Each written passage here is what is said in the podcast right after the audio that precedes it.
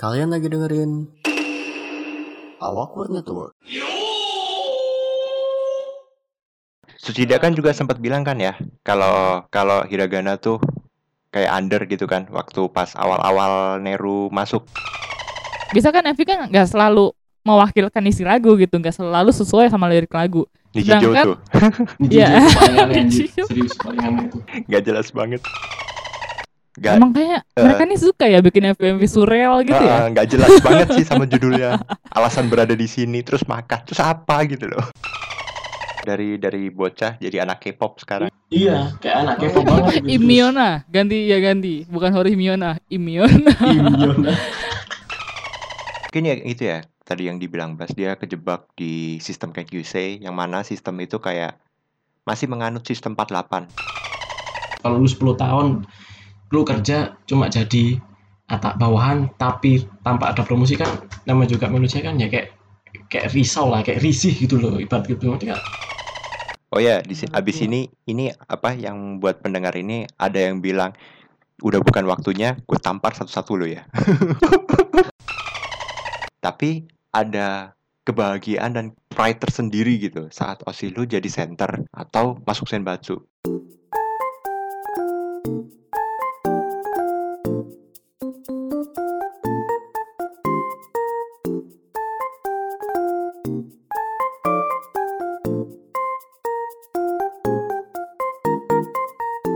Football is coming home. 46 degrees is coming back to you. Bringing you Sakamichi Invasions, this is Bas, and you're listening to 46 Degrees Podcast, presented to you by 46 Fasina and our Network.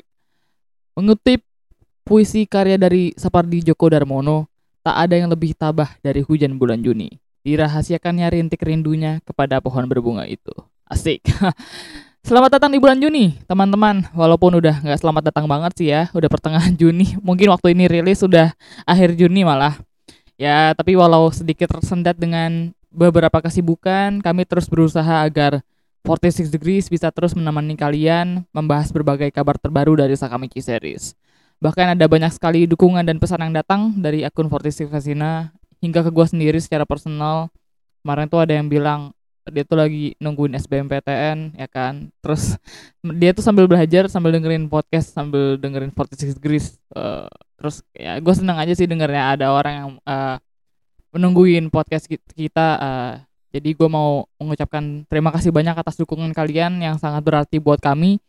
Seriously that means a lot for us. Kita jadi tambah semangat buat rekaman podcast. Anyway hari ini gue ditemani dengan Bang Syakir rekan sambat saya bang dan. Wikipedia berjalan 46 Mesina Bang J halo Bang J dan Bang Syakir Halo, halo. bagaimana kabar sudah lama tidak rekaman kawan Iya Udah kan? lama banget. agak-agak kangen ya Mm-mm. BTW sebelum masuk ke topik utama kita hari ini, mari kita bahas sedikit update berita dari Sakamichi Series. Eh, memutar ingatan lah apa aja yang terlewat selama kita rekaman eh, selama kita belum rekaman 46 Degrees. Yang pertama, single kelima dari Hinata Zaka 46, Kimishika Katan, rilis pada tanggal 26 Mei lalu, udah lama sebenarnya ya. Karena kita rekamannya eh, lumayan lama setelah perilisan singlenya. Lalu di hari yang sama, under members dari Nogizaka 46 menyelenggarakan Under Live 2021 sekaligus menjadi last live atau penampilan live terakhir bagi Tojuna dan Watanabe Miria yang sudah mengumumkan kelulusannya dan akan segera lulus. Tiga hari kemudian, terdapat pengumuman yang cukup mengejutkan buat penggemar. Jadi Hinata Zaka 46 dan Sakura Zaka 46 yang berasal dari satu pohon yang sama, yaitu Keaki Zaka 46 akan melaksanakan joint live performance atau ya bisa kita anggap konser bersama lah ya bertajuk Double Keaki Fest 2021 yang akan dilaksanakan di Fuji-Q Highland Conifer Forest tempat suci ibadah Keaki Republik bagi para penggemar Keaki pada zaman dahulu kala nggak dahulu kala banget juga sih ya nggak lama lah Well, there was a lot of things happen eh, dan bisa kita bilang konser Keaki Double Keaki Fest ini kayak konser bergandengan tangan bersama kakak gitu ya. Kayak bisa JKT gitu. Tapi buat Bang Syakir dan Bang J sendiri, yang mana yang paling nyentil pikiran kalian dari peristiwa yang udah gue sebutin tadi? Dimulai dari Bang Syakir deh. Yang yang paling nyentil lah. Kalau gua rasa akhirnya nih Hinata Saka rilis single ke berapa tadi? Lima. single kelima judulnya kan Kibisi Kata sebenarnya single itu lagunya enak. Semua MV-nya enak. Tapi mungkin ya bagi tahu bagi yang apa tahu ada salah satu akhirnya Hinata Saka memiliki member dari Korea. Nah Kim Kumi. atau Kim Gumi mungkin bisa teman-teman lihat di PV-nya PV-nya apa PV individualnya Gumi seperti Ya. apa ya kayak salah satu artis Korea Ayu makanya kita di grup ini namanya Kim Gumi itu yang paling mencolok sih di Aduh, single Kibisi Kata Dari dari episode kemarin tuh, yang episode di Eternal Zero kita Ah, jadi iya, buzzernya. Kim Kumi. Iya. Aduh. Terus apalagi Bang Syakir itu yang paling nyentil ya jadinya ya. Nah iya, sama satu lagi sih sebenarnya eh, akhirnya salah satu apa ya member under yang mungkin belum merasakan enaknya di Sanbatsu. jajaran Senbatsu akhirnya Hmm. mengangkat yang mungkin bagi kita ya sebagai para podcaster di sini gak geraknya itu kan mungkin menimbulkan satu pertanyaan kenapa sih kok bisa gerak kenapa sih secakap Miria sepinter itu itu Juna kok bisa gerak apa yang salah dengan N46 resisi seperti itu sih kalau gua Yes. Kita akan bahas tapi nanti. Oke, kita Tahan bahas dulu. nanti, nanti, tahan dulu. Kalau Bang J, apa yang paling nyentil Bang? Kalau gue pasti ini ya apa konser tidak bisa move on ya. yang satu udah capek, yang satu udah capek-capek rebranding, yang satu udah capek-capek pisah grup, balik lagi nama balik lagi nama konsernya Keaki. Terus buat apa gitu loh? kayak rugi ya bang Heeh, Dari kemarin kita mempromosikan, ayo dukung Sakura Saka, ayo move on gitu. Terus tiba-tiba manajemennya yang gagal move on. Sama Tapi apakah apakah lo bermasalah dengan hal itu? Enggak kan? enggak enggak bermasalah, cuman ya kocak aja sih gitu. Di namanya doang ya, agak agak mengganggu pikiran gitu ya. Heeh, heeh. Banyak banyak Oke. banyak meme bertebaran sih gara-gara itu doang. Terus apa lagi bang? Sama yang tadi Sakir bilang ya itu Juna sama Miria Great itu. Hmm. Belum kalau Miria sih udah pernah ngerasain senbatsu. Kalau Juna ya Ya, ada apa sih ya gitu ya. Kita akan bahas habis ini. yes, oke betul. siap Kalau nyentil buat gue, ya sama sih. Gue agak-agak gimana gitu sama Double Kaki Fest. Jadi lucunya gini, kan kemarin tiba-tiba websitenya Hinata sama websitenya Sakura Zaka sama-sama masang foto yang sama kan, Fujiki Highland. Terus kayak eh, kemarin tuh pada bilang, ah ini paling streamingnya eh, ini ya, Kaki Republik 2018 gitu ya. Terus ternyata beneran dong join live performance gitu. yang jadi masalah adalah waktu pengumuman nama gue bangun tidur gitu. Apaan nih double kaki? Ya. soalnya tuh dari kemarin kita tuh bercanda wah ini pengumuman apa nih jangan-jangan balik lagi merger gitu kan gara-gara ada brand di Indonesia itu yang ijo-ijo itu merger jadi GoTo gitu wah langsung pada bercanda ah rebranding overrated mari kita merger aja balik lagi gitu ternyata beneran dong nama konsernya pakai nama grup lamanya wah ya suka-suka mereka sih sebenarnya gua terima-terima aja karena gue seneng-seneng aja sama join live performance ini gitu. Eh, jujur kangen lihat mereka bareng-bareng. Tapi Hmm.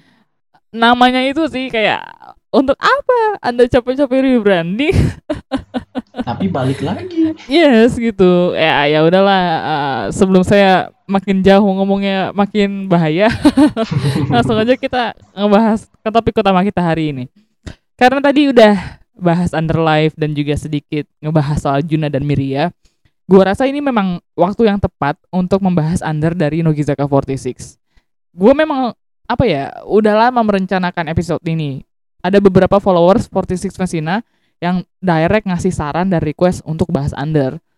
Bahkan ada yang kita kan sempat buka apa ya, forum, bukan forum sih namanya, angket ya. Oh iya, angket, Angket, ha.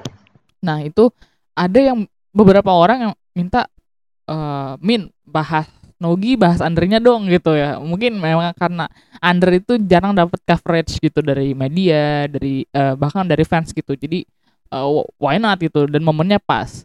Dan gua rasa Bang J juga menunggu momen ini ya nggak Bang J? Iya sih, karena osinya dari under. banget banget banget. Akhirnya Oh, iya. dibahas gitu. Ya iya, benar benar benar. Dan gue sendiri juga memang lagi pengen ah, ya marah-marah, marah-marahnya kenapa? Nanti didengerin.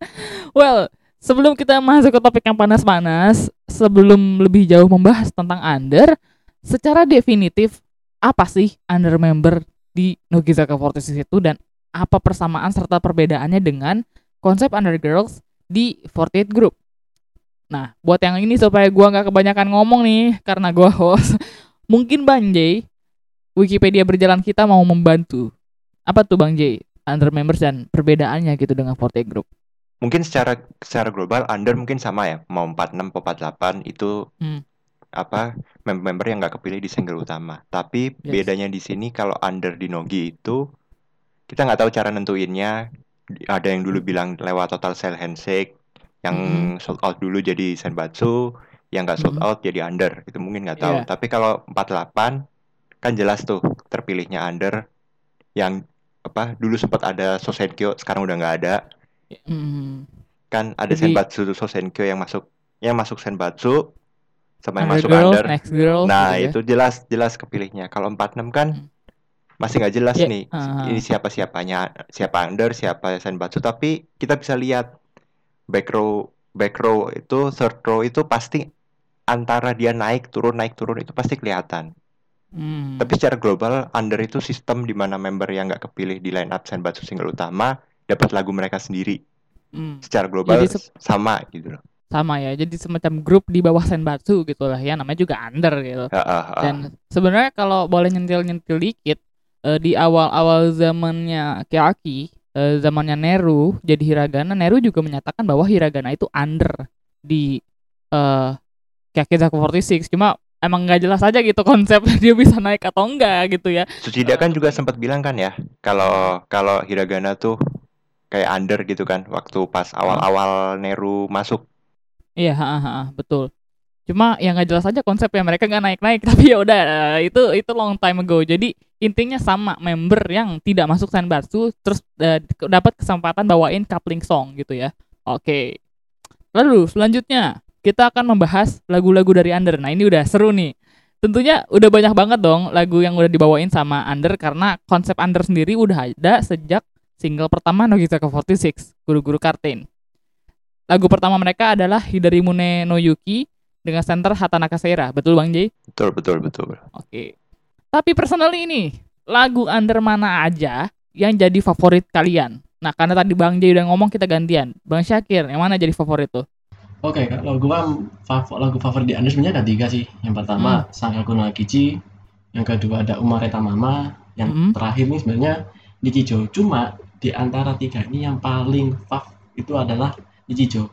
Gimana Hmm. ya? Sebenarnya Nichi- Nichijo ini apa ya? Kayak kayak river gitu loh. Maksudnya kayak mendobrak semangat di pagi hari. Eh, maksudnya Hmm. bagaimana eh, bagaimana lagu ini bercerita mungkin kalau saya baca ya setelah literatur berbaca itu lagu ini menyatakan bahwa ayolah kamu harus out of the box kamu harus bagaimana bisa menyelesaikan masalahmu keluar dari rutinitas seperti itu terus yang Hmm. kedua eh Uma Marita Mama Uma Marita Mama ini kayak lagu yang membawa bisa menjaga mood kita sehari-hari gitu maksudnya moodnya kan Uma Marita Mama kan kayak lagu ceria kayak lagu Iya, iya. kekeluargaan seperti itu kalau Hmm. Sangkaku no Akichi ini sebenarnya kalau di konser-konser ya yang kita itu lagunya kayak lightingnya efeknya tuh sendu metinnya lagu yang ya dinikmati untuk mungkin suasananya saat sendu atau senja-senja kayak ya gimana lah kayak suasana chill aja gitu loh Hmm, hmm. kalau dari gua itu aja sih sebenarnya I see, menarik ya. Kalau dari Bang J, yang mana nih yang jadi favorit lo? Kalau gua sama kayak Sakir tadi ada tiga itu sama Sankaku no Akichi juga. Gue demen banget Iya. itu. Kasoro sama yang Hmm. paling baru pasti itu Sabita Kompas. Wah, Sabita jelas, Kompas. Jelas. pastinya center. Iya dong, masa nggak favorit sih, parah itu. Personally, secara eh, aspek-aspek lain, apa yang bikin lagu-lagu itu jadi favorit? Kalau Sankaku no Akichi selain selain Oshi gue jadi center, gue juga suka Hmm. suka sama PV-nya. Secara PV-nya Hmm. tuh kayak apa ya? Apa itu namanya ya? Dance club gitu ya? Tahun apa tahun 50-an gitu deh. Iya. Nah, Hmm. Terus Kasoro, Kasoro dengan senternya Ranze, gue demen lagunya. Isi Iya. listening banget. Mm-mm. Terus Sabita Kompas, ya gue suka semuanya. Iya. Pesan pesan MV-nya di mana? Pesan MV-nya tuh kenapa sih? Apa? ken- kenapa kita berjuang kalau berjuang apa kalau perjuangan kita itu nggak dihargain? De- dengan dikasih kata-kata quote di endingnya, kenapa matahari terus bersinar? Kalau ending-endingnya matahari juga ntar kehilangan sinarnya. Oh itu gua, wuh gila, dalam banget, Dalam brother. banget benar-benar. Mantep ya lagu-lagu under tuh sebenarnya kalau kita nilik lebih jauh gitu. Iya, mantep. easy listening lah lebih tepatnya Betul, betul. Yoi. Kalau dari gue, sebenarnya sulit nih memilih lagu-lagu under karena gue sejujurnya juga suka banget sama lagu-lagu under. Tapi karena kalian ngomongin tiga, masing-masing gue juga bakal ngomongin tiga. Eh, yang pertama sudah jelas lagu kesukaan gue dari single 10 Anohi Bokuwa Tosani Usowo Suita ya.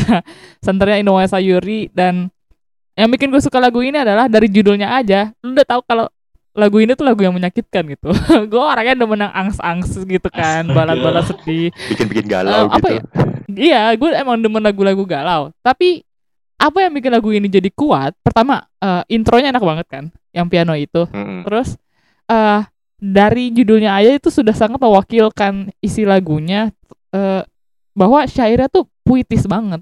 Bener-bener kayak orang cerita gitu. Waktu apa pada hari itu tuh gue mengucapkan sebuah kebohongan. Itu kayak baru dari judulnya tuh kayak judul sinetron gitu gak sih? Wah sedih banget nih gitu. Nah satu hal lagi yang bikin gue bener-bener suka sama lagu ini adalah MV-nya. Dan mungkin kalau ada yang nge-follow eh, ya pasti ada yang follow Fortis Vesina ya denger lagu ini. Maksudnya ada yang sempat ngeliat kita ngebahas eh, monthly playlist gitu. Eh, sorry banget belum dilanjut karena kita sibuk. Nah itu tuh eh, sempat kita ngebahas Anohi Bokuwa Tosani Usowoshita. Itu kita bikin semacam trivia dan juga beberapa hal-hal penting ada dari MV-nya. Ini kerjasama sama Bang J juga berhubung dia Wikipedia berjalan. Yang bikin apa ya penekanan lagu ini bagus adalah karena dia sangat berjalan lurus dengan MV-nya. Ya nggak sih? Bisa kan MV kan nggak selalu mewakilkan isi lagu gitu, nggak selalu sesuai sama lirik lagu. Sedangkan- tuh, Iya. serius nggak jelas banget. Gak jelas banget bayangin dah member em, awal MV-nya apa ya kayak member tuh tidur terus difotoin terus ada satu member lagi Renka tidur gara-gara makan buah terus membernya gali gali lubang buahnya dimasukin diledakin apa coba esensinya buah Surreal kan? banget gitu ya Iya, MV-nya ya. kayak melenceng iya. gitu kalau Anohi Bokuwa Uso Suita ini kayak benar-benar eh ah ya, dibilang sinetron juga nggak sinetron karena bagus gitu loh jadi kayak eh, lu bisa paham sakit hatinya si Marika ya di situ ya yang pengen dapat posisi yang dipegang sama Asuka ya Hmm, dia nggak dapet Iya. posisi utama. Mm-mm. terus dan itu bener-bener kayak eh, mewakilkan isi lagunya gue tuh bohong kayak gue nggak pengen posisi itu segala macam sebenarnya gue tuh gue tuh mau dan karena eh, posisi drama yang ada di Marika sama Asuka senternya Sayuri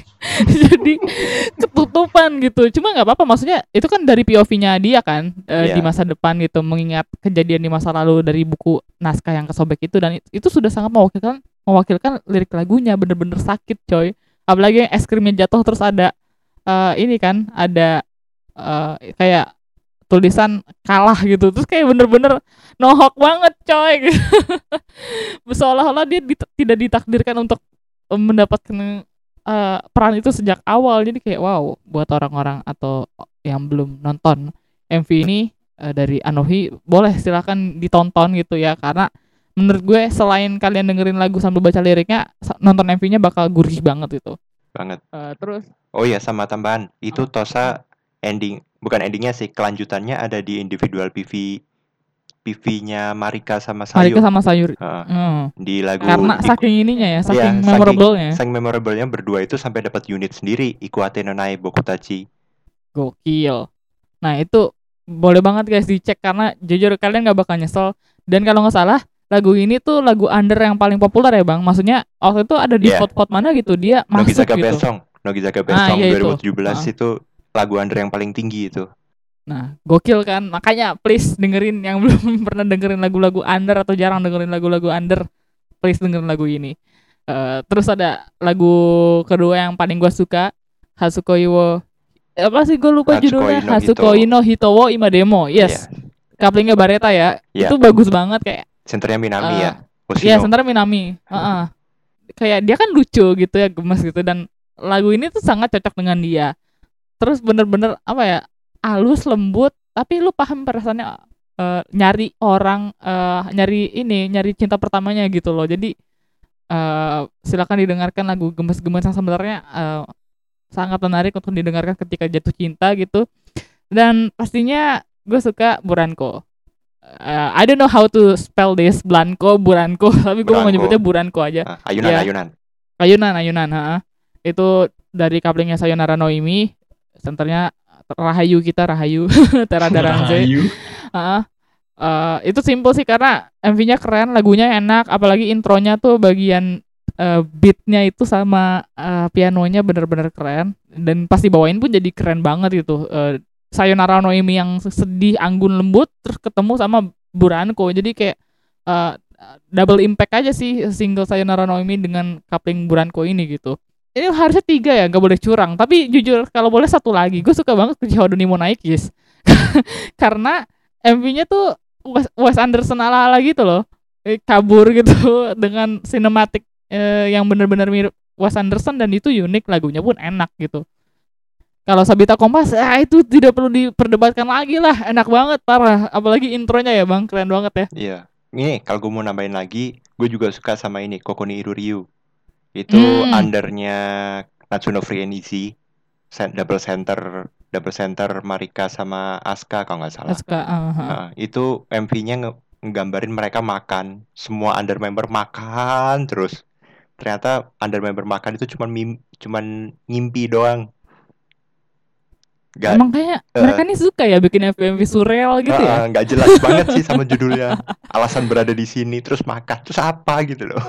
Maksudnya apa? Alasan ada di sini mungkin kayak sedih kali ya membeberkan alasan kami di sini wah kayak kayak K3 jadinya alasan kami di sini gak bercanda fans K3 bercanda bercanda banget.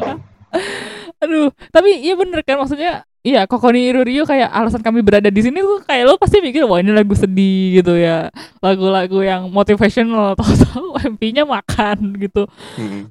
aduh sama ya udah deh satu lagi deh boleh gak sih nambah satu lagi aduh banyak banget lagu Mau yang silakan enak-enak nggak apa-apa, nggak Eh, apa-apa. Fusono Waikiteiru Ya gak sih? Ya gak sih? Asik banget gak sih? Asik asik asik. Aduh. Itu senternya Miria ya? Miria Miria. Iya itu di mana eh, apa di mana dalam sejarah under paling sedikit membernya. Oh iya benar benar benar Karena rata-rata yang member under udah naik ke influencer Udah semua. naik.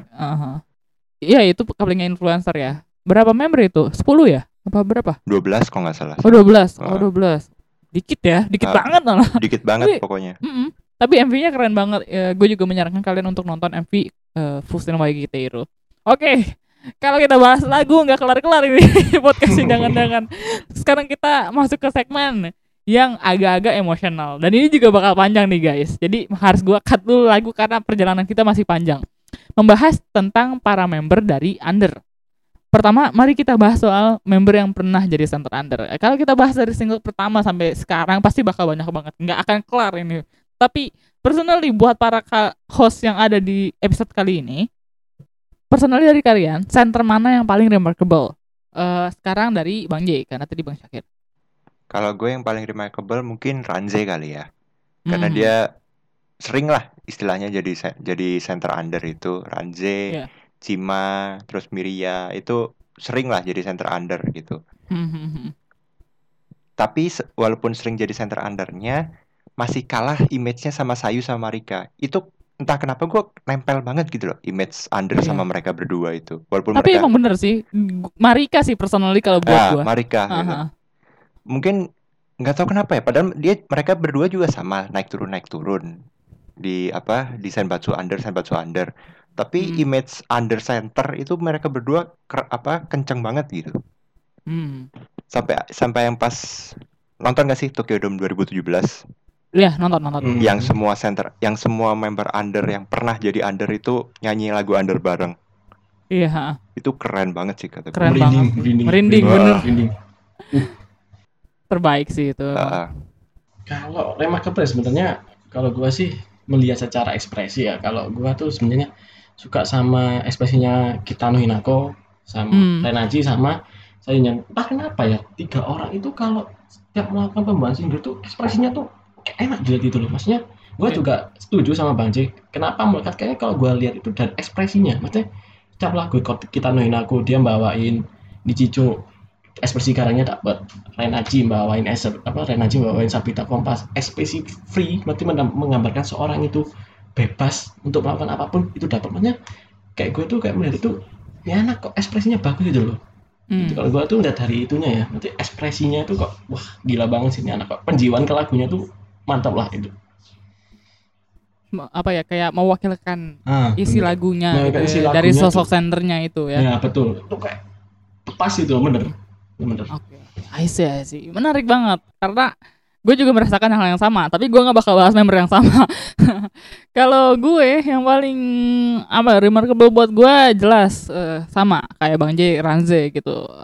Eh, yang apa ya menurut gue dia memang apa ya suitable buat posisi center bahkan maaf ya eh, kalian bisa nggak setuju sama omongan gue tapi menurut gue dia jadi center Sanbatsu pun cocok Bisa, permasalahannya bisa, kan bisa. dia dia dia naik turun naik turun gitu. Jangan kan jadi center Sanbatsu buat masuk jadi Sanbatsunya aja susah gitu ya.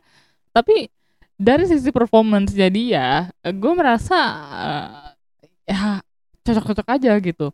Apalagi di Buranko ya somehow Ranze tuh kuat banget gitu. Dari dari Buranko tuh gue bener-bener kayak jatuh cinta banget sama Ranze Cuma kalau masalah eh, yang remarkable, gue harus setuju sama Bang Ye tadi. Marika kan tuh entah kenapa kayak image under itu ada di dia. Jadi kayak bener-bener eh, eh, dia nih eh, apa ya? When we talk about under, pasti lo ingat Marika gitu. Eh, in a good way ya, in a good way gitu. Iya, jadi kayak way. Heeh, jadi kayak emang bener-bener bersinar gitu di under sama Sayunyan sih bener. Ya udah itu paling muter-muter. Tiga member ini yang kita omongin dari tadi dan eh uh, agree to disagree ya emang bener-bener kuat itu. Ya kalau Kichan gue setuju juga sih. Sama satu lagi deh Himetan. Ya nggak sih? Wah, Sebenarnya- itu punya tempat spesial ya di di hati kita semua ya. iya bener. Di hati kita semua fans Nogi gue rasa pasti eh, rasanya nggak mungkin nggak ngomongin Himetan. Eh, walaupun udah lama juga ya Greta 2017 ya Ya, 2017 bareng Ah, ah. sama ini kan. Bareng sama Tokyo Dome. Marika, bareng sama Marika. Marika ha Marika Iya, iya. Iya, kayak apa ya maksud gue? eh dia berapa jadi jadi, jadi centers ya? Under dua ya? Dua, dua. Apa tiga? Dua, Dua, ha, dua. Eh di under, under ya lagunya under sama Futogo ya. Futogo sama ini Kimi wa Bokuto Kimi wa Bokuto Awanai Hogayo Kata yang Hmm, kaplingnya Oh, tiga berarti Inochi, ya? kaplingnya Inochi. iya iya, ha, iya. Ya bener gue Himetan tuh ya dia sama sih sering naik turun juga. Eh Sanbatsu under, Sanbatsu under cuma eh memang apa ya? Dia kan cakep ya. Terus imut gitu ya. Uh, jadi ah, terus kayak emang emang sosok yang lovely gitu jadi ya itu cukup remarkable lah buat gua sosok Himetan di under terus lanjut kita masih ada banyak ba- bahasan hari ini. Sekarang kita lanjut ke topik berikutnya. Masih soal member yaitu member yang sukses naik dari under. Oh, pasti banyak gitu ya pasti banyak banget. Tapi yang apa ya notable member karena setelah dia naik dari under tuh kayak sukses gitu. Dari Bang J menurut Bang J itu siapa? kalau menurut gua kata sukses itu gua artikan dia yang nggak pernah turun lagi ke under. Jadi dia yang Hmm. stabil di reguler atau dia yang stabil di Fukujin. Yang Hmm. menurut gua yang sukses itu cuma ada beberapa. Kayak Mm-mm. Misa, Misa itu Iya. dia stabil banget. Asuka, Mai Mai sama Waka. Mm-mm. Hos, apa Hoshino juga deh, Hoshino. Kalau Maicun dia sempat dia sempat naik turun sebentar terus habis itu naik lagi. Nggak nggak Hmm. masuk hitungan gue deh gitu. Kalau Iya. Misa tuh dia lama banget loh dari apa dari under itu dari dari single 1 sampai single 6. Single 7 dia Hmm. naik lagi, single 8 turun lagi, single 9 naik lagi, udah habis itu reguler. Iya. Fujin malahan. Gokil ya, bener-bener sak gitu. Eh, Mai Mai cuma sekali doang single 2 yang Oh Hmm. Kami. Habis itu udah habis itu reguler. Waka juga sama. Heeh. Aska dia single-single awal tuh gila nggak stabil banget. Ya, Under bener, ya, bener. Senbatsu, under Senbatsu, under Senbatsu, under center yang di Senpuki.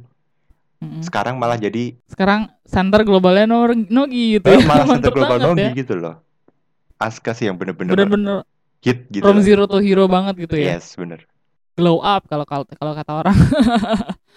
kalau Bang Syakir, mana nih yang menurut lo well notable success gitu di under? kalau not Senbatsu sukses- maksud gue. kalau Iya, not ever sukses itu eh, kalau gua rasa sih Miona ya gimana ya kalau Miona itu sebenarnya awal-awal tuh kayak kayak nggak ada apa ya kayak member ini kayak lempeng gitu maksudnya yes hanya Walaupun langsung jadi biasa. center iya, gitu ya. dia langsung sebenarnya langsung center tuh kalau gua rasa kayak kecepatan gitu loh maksudnya biasa akhirnya kan dia turun pernah tuh jadi member under nah namun pada seiring berjalannya waktu dia kan akhirnya bisa masuk channel masuk. Bahkan di saat gaknya pun diberikan lagu yang wah yang paling enak Anastasia kalau kalau mungkin Hmm. kalau pendengar tahu kan. Kalau gua paling member itu sih bagaimana apa ya dari dulu seorang member yang ya elah ekspresinya kan bocil banget ekspresinya kayak anak-anak banget gitu lah. Tapi akhirnya dia bisa membuktikan di seiring berjalannya waktu dia bisa bahkan dia pada saat saat itu juga diberikan lagu setelah grad pun macam pasca grad pun dia juga juga banyak apa ya, job model itu, itu. Kalau gua rasa sih itu yang paling memorable adalah si Miona itu from zero to hero banget lah itu Dari dari bocah jadi anak K-pop sekarang. iya kayak anak K-pop banget itu. Imiona, ganti ya ganti, bukan Hori Miona, Imiona. Imiona Wah, aduh, sorry ya yang denger nih, jangan-jangan ada yang nggak masuk jokesnya.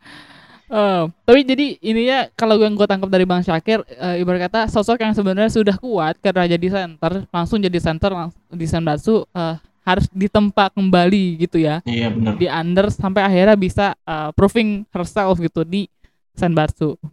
Well, kalau dari gue, uh, menurut gue sukses Asuka sih, nggak nggak nggak lain di pikiran gue pasti kepikiran Asuka gitu. Karena bener apa yang dibilang sama Bang Jay tadi, eh apa ya? Mungkin faktor umur juga nggak sih dia nggak langsung ditaruh di Senbatsu waktu dulu, karena masih kecil banget gitu ya. Sih ya. Kayak- Kecil, iya kecil, masih SMP kecil. gitu. Jadi kayak masih dikasih kesempatan berkembangnya di under gitu. Eh dan se- apa ya seiring berjalannya waktu dia makin dewasa eh, makin improve juga skillnya terus eh, kemampuan dia eh, public speaking terus akhirnya bisa senbatsu reguler akhirnya sekarang jadi eh, sempat jadi center dulu di Hadashi the Summer gitu kan. Sampai akhirnya jadi global centernya eh, Nogizaka 46 eh, apa ya itu adalah perjalanan yang sangat panjang kalau kita ngitungnya 9 tahun. Tapi mungkin gak banyak yang ngerasa karena Asuka dari kecil banget ada di Nogi gitu. Kalau kita lihat dia sekarang ini orang kagak tua-tua tapi memang karena masih karena dari muda banget gitu di Nogi. Dan eh, apa ya Sekarang juga orang ngelihat Asuka kayak masih anak-anak malah. Padahal masih dia anak udah iya. bener bener kayak badannya bener kecil kepalanya kecil. Kayak lucu gitu loh. Tapi ngelihat perjalanan dia dari yang di under masih kecil banget kelihatan lah kalau muka anak kecil sama wanita dewasa kan pasti kelihatan bedanya apa gitu ya. Dari yang masih kecil di under sampai akhirnya bisa sekarang jadi global center eh, di saat dia sudah dewasa itu bener-bener kayak apa ya namanya tuh kayak kalau ada kurva dia tuh naik turun naik terus lama naik gitu jadi eh, keren banget gitu kalau menurut gue nah selain bahas member yang sukses naik dari under ke Senbatsu, ada juga member yang pernah jatuh ke under. Bang J, lagi-lagi Bang J karena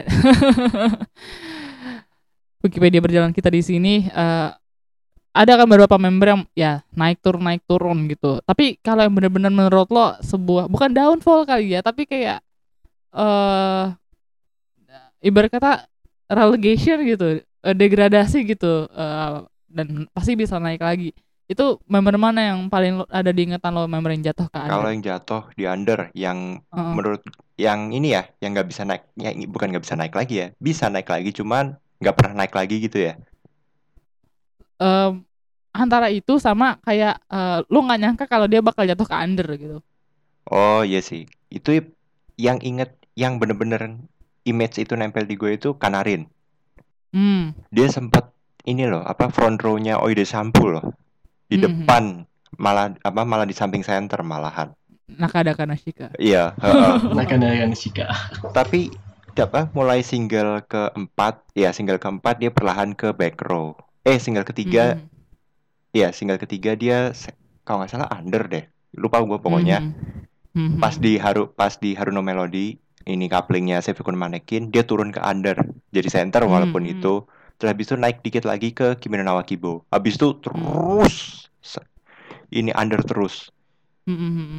itu dia dia aja bilang masa kejayaannya dia itu pada sa- pada saat Oide Sampu terus habis itu udah iya kan Sampai Kasian punya- banget. Sampai punya Chan sendiri gitu ya yang yang Masa- bikinan fans. Heeh, masa kejayaan itu dia di Sampu habis itu udah turun aja ke sini nggak berani lagi Wah, padahal padahal tuh kayak Kanarin tuh sosok yang apa ya menurut gue aduh nih orang cakep banget sih gitu saking saking gue panglingnya lihat Kanarin tuh kayak eh, cakep banget gitu makanya mungkin gue setuju sama Bang J sih Performance-nya Heeh. juga keren kok, dance-nya juga dia uh paling paling mantep lah pokoknya dance-nya itu. iya Heeh. Tapi Makanya. dia malah malah malah sini malah sini malah sini malah down. Influencer Mm-mm. sempat naik, habis itu turun lagi, turun lagi, naik dikit lagi, turun lagi. Mm, Udah sampai kemarin pas graduate di Xiao Hogosoku, Hogosoku walaupun dia naik karena Gen Hmm. 1 semua harus naik, satu semua masuk ha, semua harus naik. Ya setidaknya me- merasakan dikit lah Senbatsu beberapa kali gitu loh. Hmm, betul betul. Padahal kayak Kanarin tuh sosok yang menurut gue kuat gak sih di antara semua fans Nogi karena walaupun dia naik turun naik turun dan abis dari uh, Oida Shampoo ke bawah dia di bawah terus pasti kalau lo lihat Kanarin ya pangling aja gitu. Mm-mm. Apalagi waktu dia potong rambut, buset. gue langsung kayak gila, cakep banget nih orang gitu. Iya, emang emang pas potong rambut jadi pendek jadi bob itu emang cakep kan. Mm-mm. Parah cuy. Lu nonton konser yang NF8 yang di Nagoya Dome itu lu kagak fokus gara-gara dia atau nggak kayak buset cakep banget gitu. Oke lanjut. Kalau Bang Syakir, yang mana yang paling nyentil pikiran lo soal member yang jatuh ke under? Ya sebenarnya apa ya kalau member jatuh yang under kalau kalau menurut kita kriteria gue sebenarnya member jatuh ke under itu bukan sesuatu apa ya bukan suatu kalau kita gue tuh dia tuh naik turun itu performanya naik turun maksudnya kalau gue ambil contoh ya kalau gue ambil Hmm. contoh itu si Kubo sebenarnya Kubo tuh kan di single Nitijo itu kan dia apa ya masuk ke under Hmm. Berarti gue tuh berpikir kenapa sih seorang Kubo ini anak cantiknya minta ampun ini kok bisa masuk under itu Hmm. Nah, mungkin kalau gue di dalam pikiran gue ya, di pikiran gue itu mungkin di pas apa di pasen bajunya itu di si di si baju atasnya itu kayaknya udah top tier banget, udah masanya member yang ya menjual. Si kubu ini kayaknya kurang menjual dikit. Akhirnya udahlah daripada lu nggak masuk senbatsu, daripada lu masuk lagu gen, udah lu masuk under aja, lu masanya lu poles lagi aja skill lu, lu apa lu asen lagi aja pesona lu, performa lu, Hmm. ekspresi lu. Nah, apa break, break. tapi setelah dari single apa dari lagu analisis kan dia akhirnya langsung naik mungkin bisa dikatakan di under itu di kubu di under itu hanya sebatas ya kayak anu lah kayak mengasah Hmm. lagi kayak skillnya gitu loh seperti itu Sama kayak tadi yang kasus studi kasusnya mungkin sama kayak tadi lo waktu lo ngomongin Miona kali ya. ah betul betul banget kalau gue Hmm. itu sih khususnya I see, I see. Kalau member yang jatuh ke under, justru kalau tadi Bang Syakir ngomongin yang sukses, menurut gue paling remarkable jatuh ke under itu Miona. Itu tadi gue mau ngomongin Kanarin, tapi karena Kanarin tadi udah gue ikut nimbrung juga waktu Bang J, ya pastinya ngebahas Miona. Nggak mungkin kita nggak ngebahas Miona soal jatuh di under karena ini orang baru masuk udah jadi center gitu ya. Terus tiba-tiba dijatuhin ke under, kan jahat banget gitu ya. kayak sakit banget gitu Naik turun naik turun banget kan ya. iya, iya bener nggak bener. stabil Masalahnya kalau misalnya oke taruhlah row 3 jatuh ke under gitu. Oh, something that predictable gitu. Tapi ini tuh di center gitu. Center habis itu jadi member yang eh, apa selalu apa ya? Jadi spotlight orang-orang gitu walaupun bukan center. Terus tiba-tiba dua arah under gitu. Dari Tayonok ya di under ya. Iya, Tayonok sama 12, Imahana ah. 12 13. Iya, 12 13. Iya. Kayak benar-benar wow, sampai kayak lo nonton dokumenterinya Nogi, itu bagian ujungnya ya ngomongin Yona soal dia bener-bener eh, apa ya kepikiran habis jadi center kok ditaruh di under gitu. Apa gua quit aja apa gua cabut aja akhirnya dia mi- milih potong rambut gitu. Bener-bener re- remarkable eh, when we talk about eh, jatuh ke under pasti lu mikir tuh oh Miona nih Miona nih. Sebegitu Eh, impactfulnya ya. Iya, sebegitu bener. impactfulnya. Dan satu lagi yang jadi masalah, mungkin ini kasusnya sama kana, sama kayak Kanarin. Tapi kalau Kanarin kasusnya naik turun Senbatsu under Senbatsu under. Kalau kasusnya Miona, setelah dia jatuh ke under segala macem, dia tuh gak pada dikasih center lagi, coy. Maksud gue, eh, dia tetap terkenal, tetap member yang banyak job. Cuma gini, sebagai member yang pernah jadi center dan langsung jadi center, nggak pernah dapat posisi center lagi tuh cukup aneh menurut gue. Iya, iya, iya bener-bener. bener. Sedangkan Bener-bener banget, bener. Iya, sedangkan dia member yang terkenal gitu. Jadi gue sedikit mempertanyakan kenapa dia tidak pernah dapat kesempatan itu lagi padahal perform dia bagus, eh, dance dia bagus, acting dia bagus, eh, fansnya banyak, tapi nggak pernah dikasih lagi gitu. Cuma ya ya udahlah udah great juga. Dan kita bak- eh, lebih lanjut soal Miura, gue mau bahas soal Gen 2 tapi eh, nanti kita tahan dulu daripada kita ributnya sekarang. Nah, anyway, ada juga member yang Nah ini dia, gak pernah naik dari under. Eh, mari kita bicara soal ini. Um, sejauh ini ada berapa member Bang Jay yang belum pernah naik dari under? Kalau belum pernah naik dari under sih ya lu- kalau Gen 3 sama Gen ngitung Gen 3 sama Gen 4, Gen 4 sih banyak sih ya, Ya, pasti lumayan. banyak. ha, ha, Pasti banyak itu. Kalau Gen 2 ngitung sama graduate, ngitung sama member yang udah graduate itu ada Karin, ada Kotoko, ada Juna, Sama yang masih bertahan. sama yang masih Renachi. bertahan Rena- Renachi. Terus Gen 3 ya masih ada Riria, ada Reno, ada Ayati. Riria. Hmm, Oke, Iya itu. Itu aja sih kalau yang belum pernah naik ke under. belum pernah naik. Ha, Oke. Hazuki juga belum. Lupa gue nyebutin. Ha- Iya Hazuki, gue front pembela Hazuki. Oke, eh ini ya, mungkin akan sensitif, tapi menurut gue, eh apakah sedikit menyentil di pikiran kalian eh, buat member-member dari Gen 1 Gen 2 yang nyaris satu dekade ada di sini?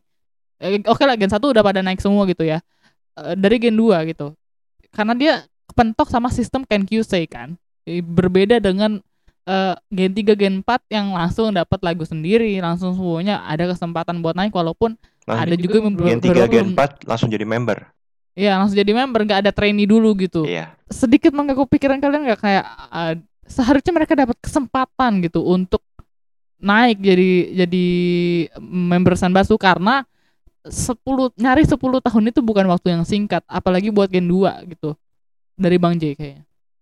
Gue gue oke. Eh, Gen 2 mungkin ya itu ya tadi yang dibilang Bas dia kejebak di sistem kayak QC yang mana sistem Hmm. itu kayak masih menganut sistem 48. 48 kan kalau Iya. anak baru kan masih kayak QC dulu. Trainee bener Masih bener. training. Ah, terus habis itu baru ada apa? Ada naik naik ke tim, habis itu Hmm. baru mereka jadi member gitu. Jadi prosesnya lebih lama gitu ah, ya. jadi prosesnya lebih lama. Mungkin secara secara proses mungkin bener kali ya di dimasak dulu di sini terus baru begitu naik jadi member udah matang gitu. Tapi Hmm. entah kenapa itu backfire gitu loh sama sama Gen 2.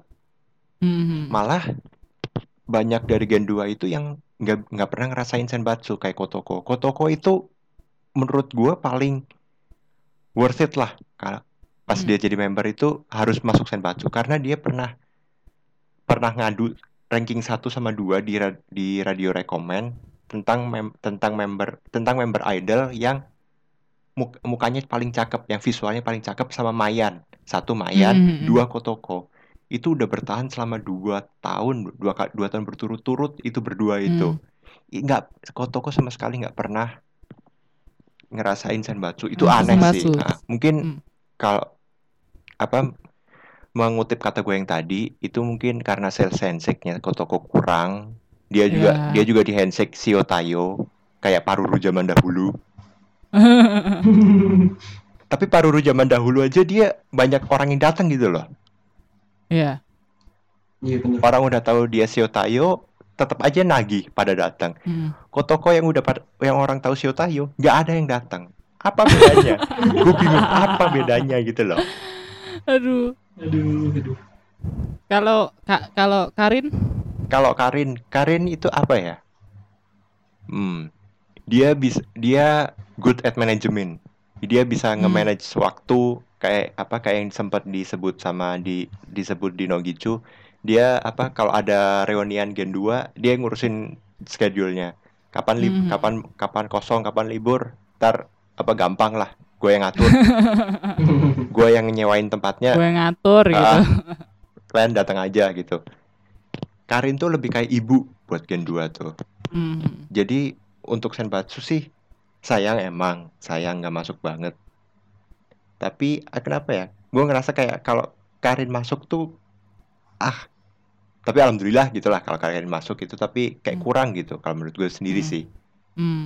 Ya, kayak legowo aja gitu ya. Ah ah ah, gitu. Oke. Nah, ini buat yang bahas soal Juna sama Renachi, mari kita gabung aja lah supaya kita nggak lama-lama di sini. Gue takut durasinya kelamaan. Eh, Bang Syakir, eh menurut lo member-member yang nggak pernah naik dari under ini gimana gitu? Dari Juna mungkin ya, Juna belum dibahas. Kalau- Dan dan Juna pun udah ngumumin grade juga ya. Nah, ya itu, apa ya?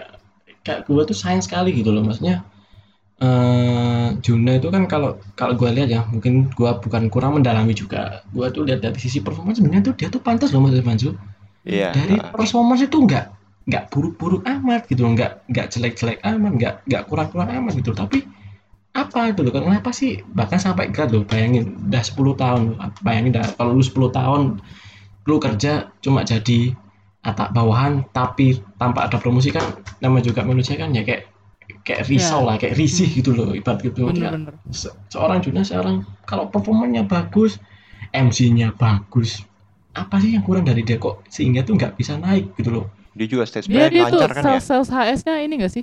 Sales HS-nya rendah atau tinggi bang J? Rendah atau gimana Dia kalau nggak salah biasa deh, biasa. so-so ya nah Heeh. biasa So-so, heeh. Dia juga Hmm, stage iya. banyak kok. Iya. Ah, iya. Nah itu itu itu sebenarnya jobnya Hmm. juga banyak gitu. Soalnya juga banyak Heeh. Makanya Sama aneh aja gitu ya. Mm-mm. Mhm. ya sama gue juga sama anu sih sebenarnya kalau gue mau nambahin dari Bang Ji juga dari soal Renaji itu sebenarnya kalau Renaji ya kalau lu masuk sim baju sebenarnya tuh Nogis itu bisa men- bisa nembus penjualan yang sangat tinggi loh bayangin deh Hmm. soal Renaji punya punya menjadi penyiar radio atau DJ radio itu kan member baju itu kan nggak ada yang seperti Renaji kan ada, Ya, ada. punya ya, program reguler sendiri ya. Iya. sendiri kan nggak ada Ah, Maksudnya kalau kita kita berbicara dari sisi Mercury ataupun HS ataupun Tusut, kalau misalnya dari bicara itu dia tidak profit, tapi kan alangkah lebih banyak kita buat sisi lain. Maksudnya, orang itu tidak apa orang itu tidak hanya memiliki sisi buruk tapi memiliki sisi baiknya. Ada Gitu kan. pertimbangan Ada lain gitu. pertimbangan lainnya. Udahlah, lu taruh aja Renaji di row 2 atau 3 lah. Terus Hmm. di radionya seluruh seluruh ya tolong ya dengerin single ke 27 Gomini Finger Cross atau dengerin lagu ini ya kalau bisa kita apa tembus penjualan kan itu kan member juga untung manajemen juga untung gitu loh Apalagi radionya Ya. kan siang bolong kan ya. Kalau nggak salah Iya, jam, siang jam bolong 12 itu. siang. Itu pas jam makan siang dan lagi traffic-trafficnya orang di jalan kan biasanya bisa dikatakan cari makan atau mungkin lagi istirahat kerja itu kan itu sebenarnya kan profit loh itu sebenarnya Iya, benar-benar. Jadi gue boleh ngoreksi nggak karena gue kebetulan jurusan kuliah gue radio juga gitu. ah Ah, boleh Ah, ah, ah. Sebenarnya jam makan siang itu justru bukan jam yang ramai sih guys. itu regular time. Jadi eh, yang ramai itu pas pagi hari prime Hmm. time sama Hmm. drive time pulang eh, pulang kantor itu jam Hmm. Oh, 4 sampai iya, jam iya, 8. iya. Oh, yes, iya, betul. Jadi eh, apa ya bisa dibilang yang ramai itu pagi sama malam. Tapi kalau ngomongin soal rame atau enggak, yang namanya radio pasti sel- bakal selalu pasti rame ada yang gitu. dengerin pasti Betul, betul. Dan biasanya eh apa ya biasanya jam-jam siang hari itu eh, justru eh yang durasi tayangnya lumayan eh, durasi siarannya lumayan lama karena eh apa namanya? Karena dia harus ngisi ini kan, ngisi slot eh, yang lumayan lama dari jam 12 siang sampai jam ketemu jam 4 biasanya baru ganti shift gitu. Dan menurut gue untuk idol ngisi posisi siang itu keren cuy. Karena Keren, banget. Karena biasanya gini justru kayak orang mikir kan oh, orang oh, jangan-jangan eh, ada kesibukan lain gitu gak bisa ngisi program radio kan eh, harus satu season gitu ya lama gitu. Nah dengan Rena ngisi di situ tuh menunjukkan bahwa dia punya program regulernya sendiri di siang hari berarti dia memang punya skill di situ gitu jadi kayak maksud gue eh member ini punya sesuatu yang mungkin belum dimilikin sama member lain gitu Nih gue mau nambahin nih buat buat Hmm. Renaci. Mm. Dia apa siaran radionya itu sempet di- diakuin sama Aryosi. Tahu Aryosi nggak sih? ah tahu tahu Tahu. Ya, apa komedian itu dia apa dia nyetel Tokyo FM. Ini siapa sih? Mm. Dikira apa dikiranya udah veteran. Masalahnya suara Renaci itu sa- sama cara bicaranya, temponya itu kayak orang udah yang udah kayak lama. penyiar radio mantep Enak banget. Iya. yang udah Ah. veteran banget, yang udah berpuluh-puluh tahun. Ternyata dilihat sama dia, lah idol gitu. idol Idol. toh. Wah, keren banget dia udah punya acara radio sendiri udah gitu. Sampai Iya. diakuin sama Aryosi, itu nggak dapat senbatsu. Wah, gila banget sih itu Sebenarnya gini, kalau masalah job ya, eh, kayaknya banyak dari member under dari Gen 2 terutama eh, baik yang kayak kemarin lah pas sempat pada bikin blog gitu. Gue paham bahwa mungkin dari mereka kayak yang diomongin di Bang Ji di episode yang khusus Gen 2 itu eh, gak semua kesuksesan harus diukur dengan masuk Senbatsu betul. Iya. Karena member-member ini juga sebenarnya jobnya banyak. Cuma eh, yang benar-benar mengganggu pikiran gue adalah kenapa 9 tahun itu dia nggak pernah bisa dikasih sekali aja gitu Iya, yang itu ya. yang Enggak, itu yang benar-benar sebenarnya gue sayangkan adalah waktu kemarin gue marah Juna eh Gret itu gue gak marah sama dia Gret gitu. Karena gue paham gitu posisi dia.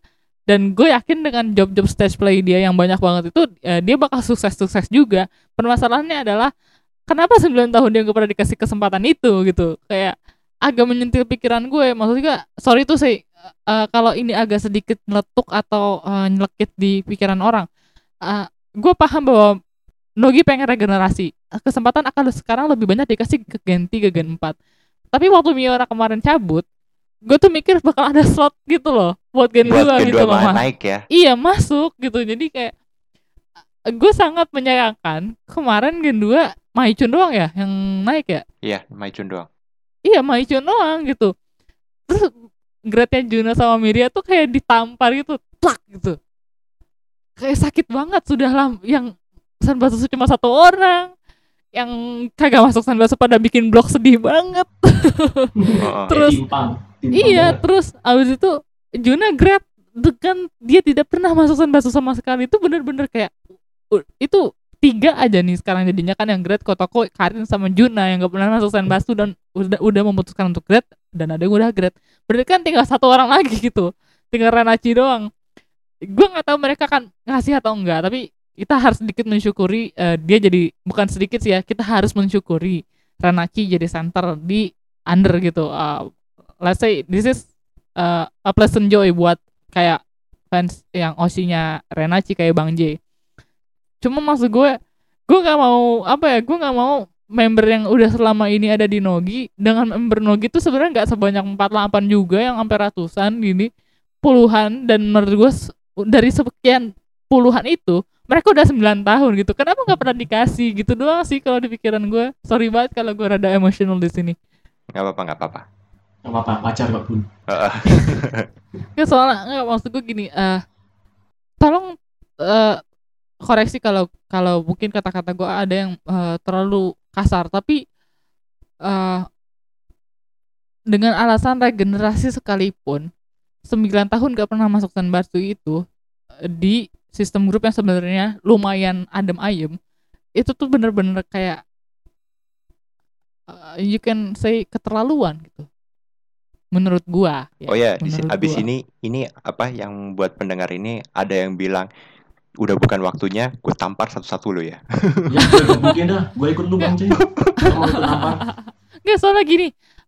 Oke, regenerasi gitu. Sudah waktunya untuk mereka eh, memberi eh, space untuk eh, supaya Nogi punya masa depan cerah gitu ya. Eh, supaya member-member yang baru bisa bisa bersinar jadi bisa ditinggal sama yang tetua-tetuanya. Masalahnya sebelum ditinggal eh sorry, se- sebelum mereka meninggalkan grup, mereka nggak pernah jadi sanbasu di grup itu. Gitu gimana gitu. Jadi kayak agak mengganggu pikiran gua aja gitu.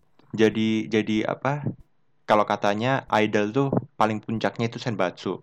Setidaknya rasain lah itu puncaknya senbatsu gitu iya, kan ya. Sekali aja guys. Masa sih 10 tahun gitu? Gak ada salahnya juga Wah. kan ya.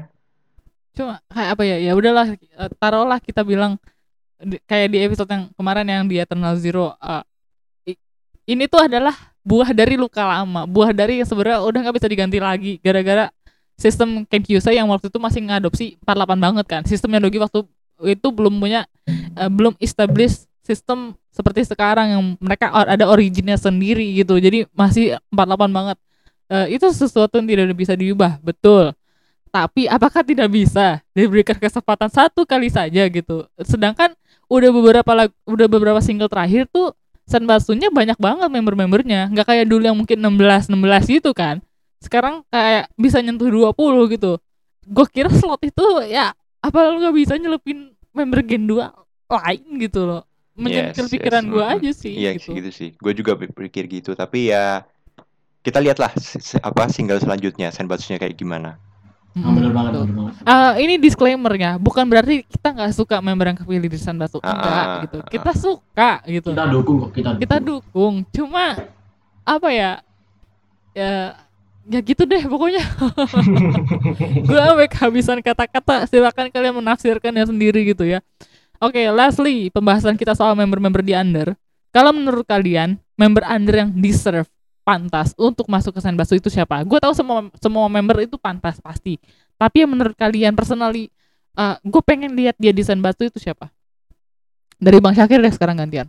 Oke, kalau personally ya, gue ingin itu adalah Nakamura Reno sama Sagoji Tamami.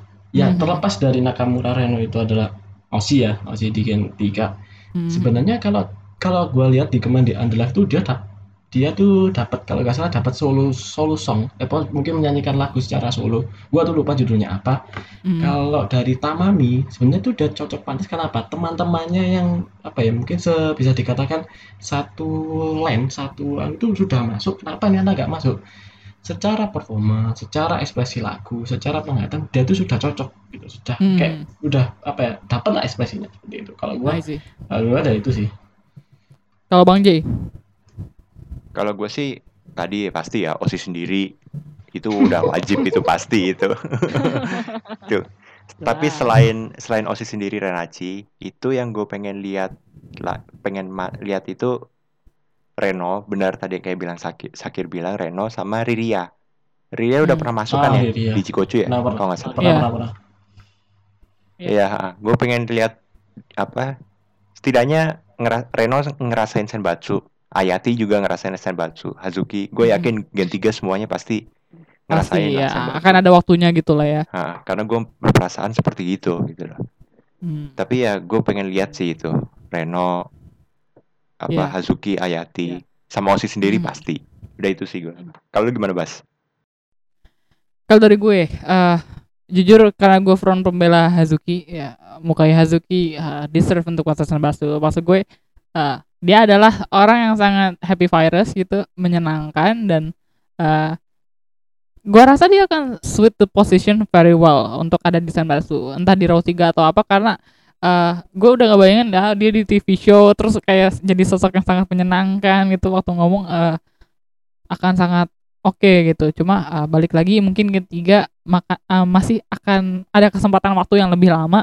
Walaupun gua nggak tahu ya pikiran LLC kayak gimana, jadi gue tidak ingin langsung berbaik sangka juga, tahu-taunya duar gitu. Tapi gue mau ngejinx, jadi uh, semoga dia bakal dapat waktunya gitu. Uh, kalau yang bener-bener gua rasa reserve untuk Pesos Batu uh, one and only Renachi sih. Uh, karena tinggal dia gitu ya yang belum pernah ngerasain sama sekali dan belum grad gitu dan uh, nggak ada alasan untuk Ranachi nggak ada di Senbatsu menurut gue. Hmm. ya nggak sih? Jadi Iya. kayak ah gue rasa nih, dia sudah sangat cukup membuktikan dengan jadi center under disabilitas kompas eh, kalian bisa punya penilaian sendiri. Tapi menurut gue itu keren banget gitu. Dan apa ya gue nggak ngerti kenapa dia nggak bisa masuk ada di posisi itu. Walaupun mungkin ya udahlah manajemen Nogi punya pertimbangan lain. Tapi ah, semoga di single selanjutnya dia dapat kesempatan itu untuk ngisi. Ah, maksud gue kalau sampai single selanjutnya bener-bener cuma satu orang dari Gen 2 yang dari desain basu gue juga kesel lagi sih ya kali. Yang bener aja. Men Miona cabut itu supaya ada slot baru men. Ujung-ujungnya cuma Maicun doang. Kesel banget gue. Eh sama ya eh, Ranze Rahayu ya. Eh gua ya maksudnya eh, dia juga sosok yang kuat dan naik turun bukan sesuatu yang bakal terus-terusan ditinggal di under. Tapi eh gue berharap dia bakal jadi reg- regular Sanbatsu gitu. Gua nggak tahu sih Ranze bakal grade dalam waktu yang dekat atau enggak tapi eh, selama waktu itu belum datang gue harap dia bakal dapat kesempatan jadi reguler entah di row 3 row 2 entah pokoknya gue harap sih dia dapat gitu.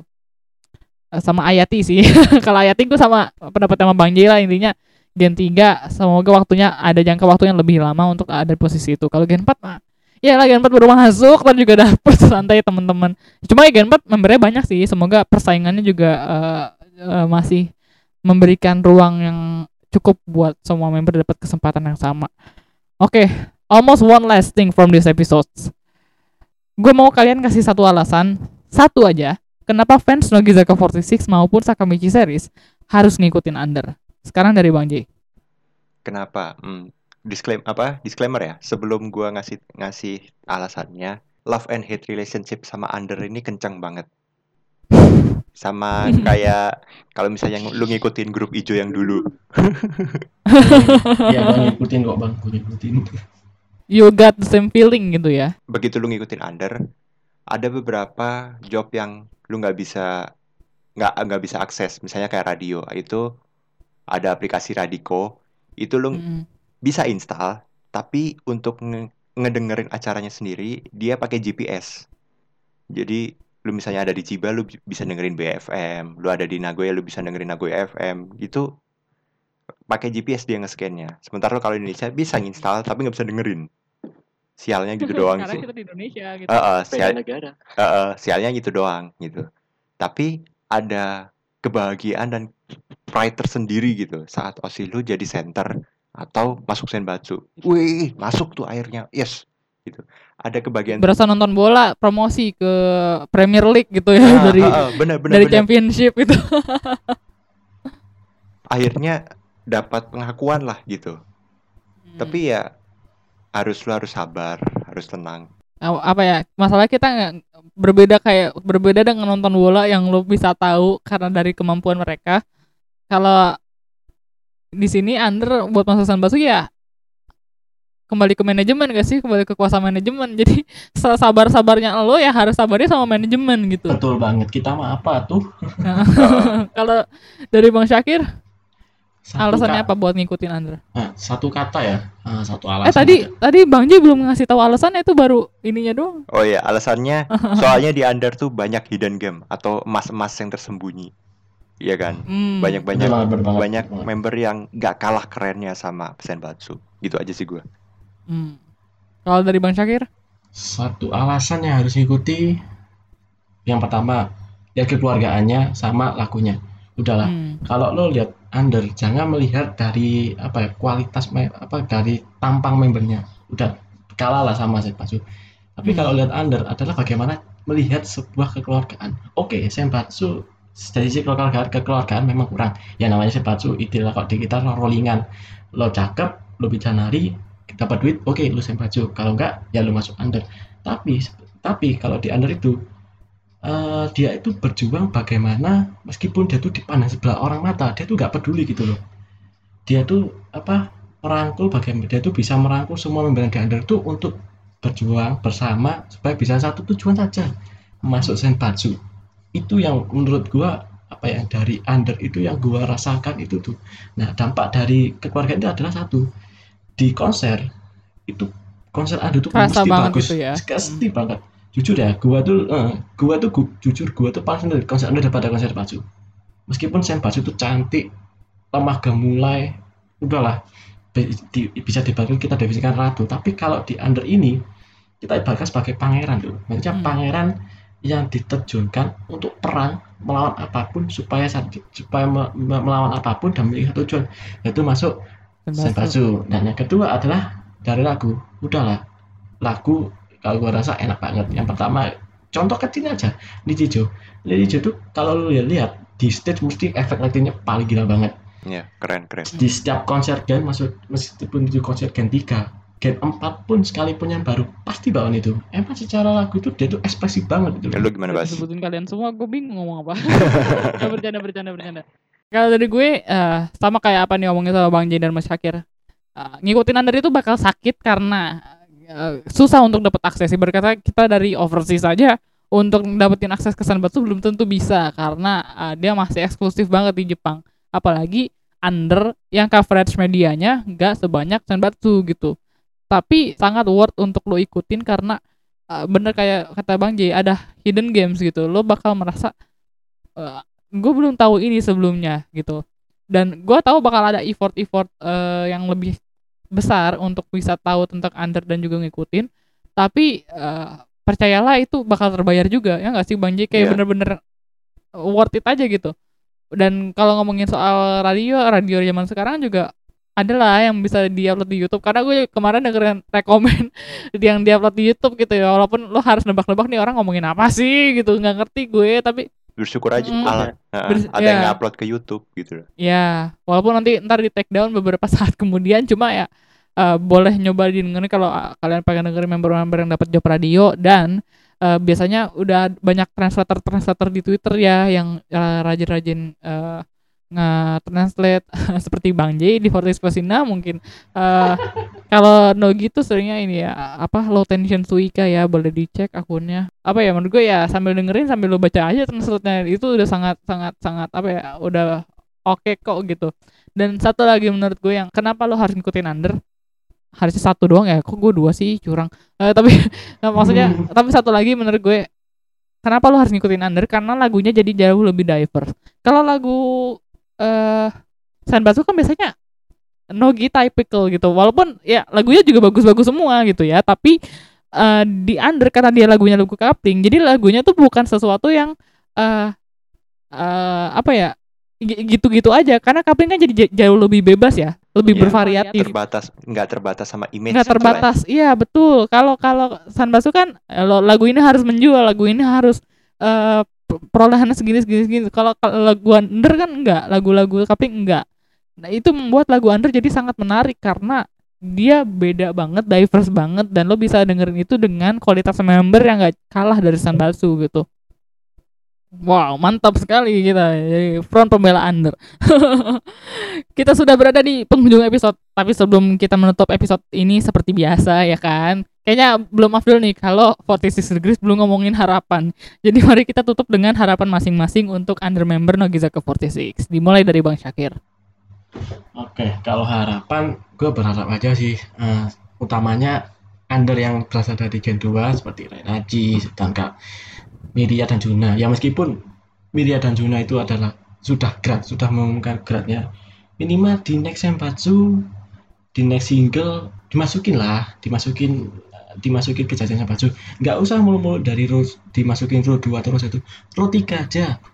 Maksudnya Hmm. ya minimal sebagai apa ya kayak trigger sebagai pemicu member lain si senior gue bisa kenapa gue nggak bisa ini memicu semangat ayolah gue harus berusaha lebih keras lagi berusaha lebih lagi supaya si member under under ini bisa masuk sebelas dan juga harapannya regenerasi di Nogis juga apa ya bisa dikatakan adil atau seimbang lah. Tidak timpang sekarang Gen 4 di naik naikin Gen 3 di Hmm. tengah pus tengah-tengah undernya tapi di bawah ya meskipun judulnya under atau bahasa Indonesia bawah tapi ya tidak terlalu jangan diibaratkan member itu member under itu adalah member yang paling bawah tidak seperti itu Tim Apa itu? terkuat itu under member. Enggak enggak canda canda canda. Lanjut ke Bang J. Harapannya apa? Kalau gue harapannya ya semoga Renaji sih ya pasti ya semoga jadi Senbatsu Gitu, Ya, itu- paham itu- itu sih paling- paham, paling- paham. apa paling paling yang gue harapin sih itu tapi Mhm. gue harap semua fans yang di luar itu yang tadinya ngikutin Senbatsu banget itu jadi ngelirik Under gitu wah Under keren juga nih Under Live wah gila Hmm. konsepnya keren Hmm. Beda sama kon- apa konsep birthday beda sama apa beda sama acara musik di TV gitu jadi menemukan kesenangan tertentu gitu begitu ngeliat Under Live gitu. Sama I see. pesannya ke- semoga ke depannya Under Live makin keren makin konsepnya makin makin wah. Makin gokil ya. Ah, tahun ini aja Under Live udah keren banget kan kemarin gitu. Ya parah, parah, parah. Parah parah parah ampun dah ampun. Ampun ampun. Ya semoga gue berharap itu aja sih. Kalau lu gimana Bas? Hmm.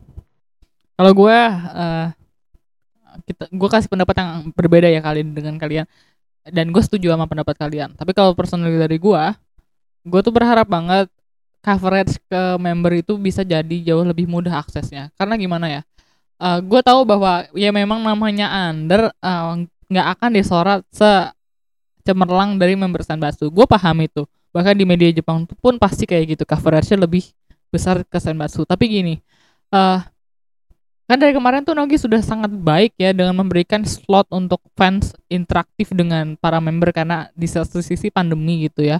Eh, di sisi lain juga mungkin dia mau lebih deket dengan fans. Eh, bahkan fans-fans Inter dari kemarin udah dapat kesempatan untuk bisa nonton eh eh konser mereka kan konser Enif walaupun yang konser per generasi nggak bisa ditonton dari luar gitu ya.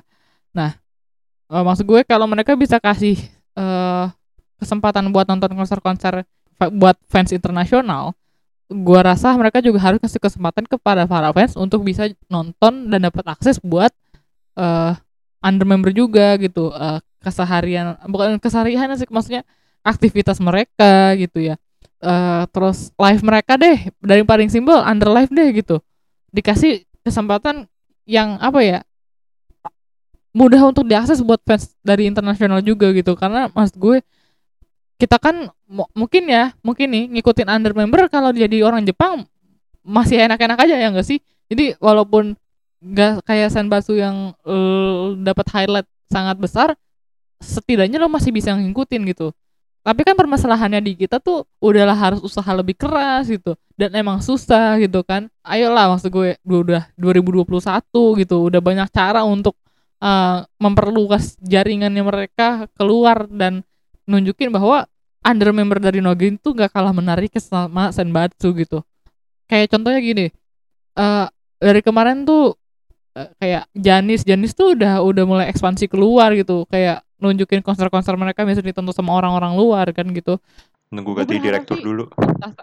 Iya ganti director dulu sih, tapi ya, ya eh, perjalanan panjang juga. Tapi gini, kayak 48 aja kemarin SKT konser udah pakai eh, subtitle Inggris gitu dan bisa diakses sama orang luar. AKB48 bikin AKB48 festival, grup festival gitu ya. Ayolah gitu maksud gue Sakamichi gitu loh. Eh, eh, tolonglah gitu ngelakuin hal yang sama. Walaupun kemarin udah sempat eh, Nine and If Nogi, Hinatansa ya kan bisa dilirik sama fans luar please banget kasih akses buat kita juga ngehargain member under gitu loh karena ya gak, gak apa ya gak semudah itu juga buat mereka naik ke Senbatsu jadi tolong dipermudah buat kita ngelihat under gitu loh itu sih kalau dari gue Mantap. Baiklah. Terima kasih banyak sudah mendengarkan episode kali ini. Kalau kalian kepingin ngobrol atau punya teman ngidol seputar Sakamichi, langsung aja DM akun Twitter at 46fansina untuk bergabung dengan grup chat kita. Nggak akan nyesel, nanti kita bahas under bareng-bareng di grup. Jangan lupa klik tombol following di Spotify, Anchor, atau di platform lainnya kalian mendengarkan podcast ini, supaya nggak ketinggalan episode lainnya dari 46 Degrees. Terima kasih sudah mendengarkan Mata Ashtana.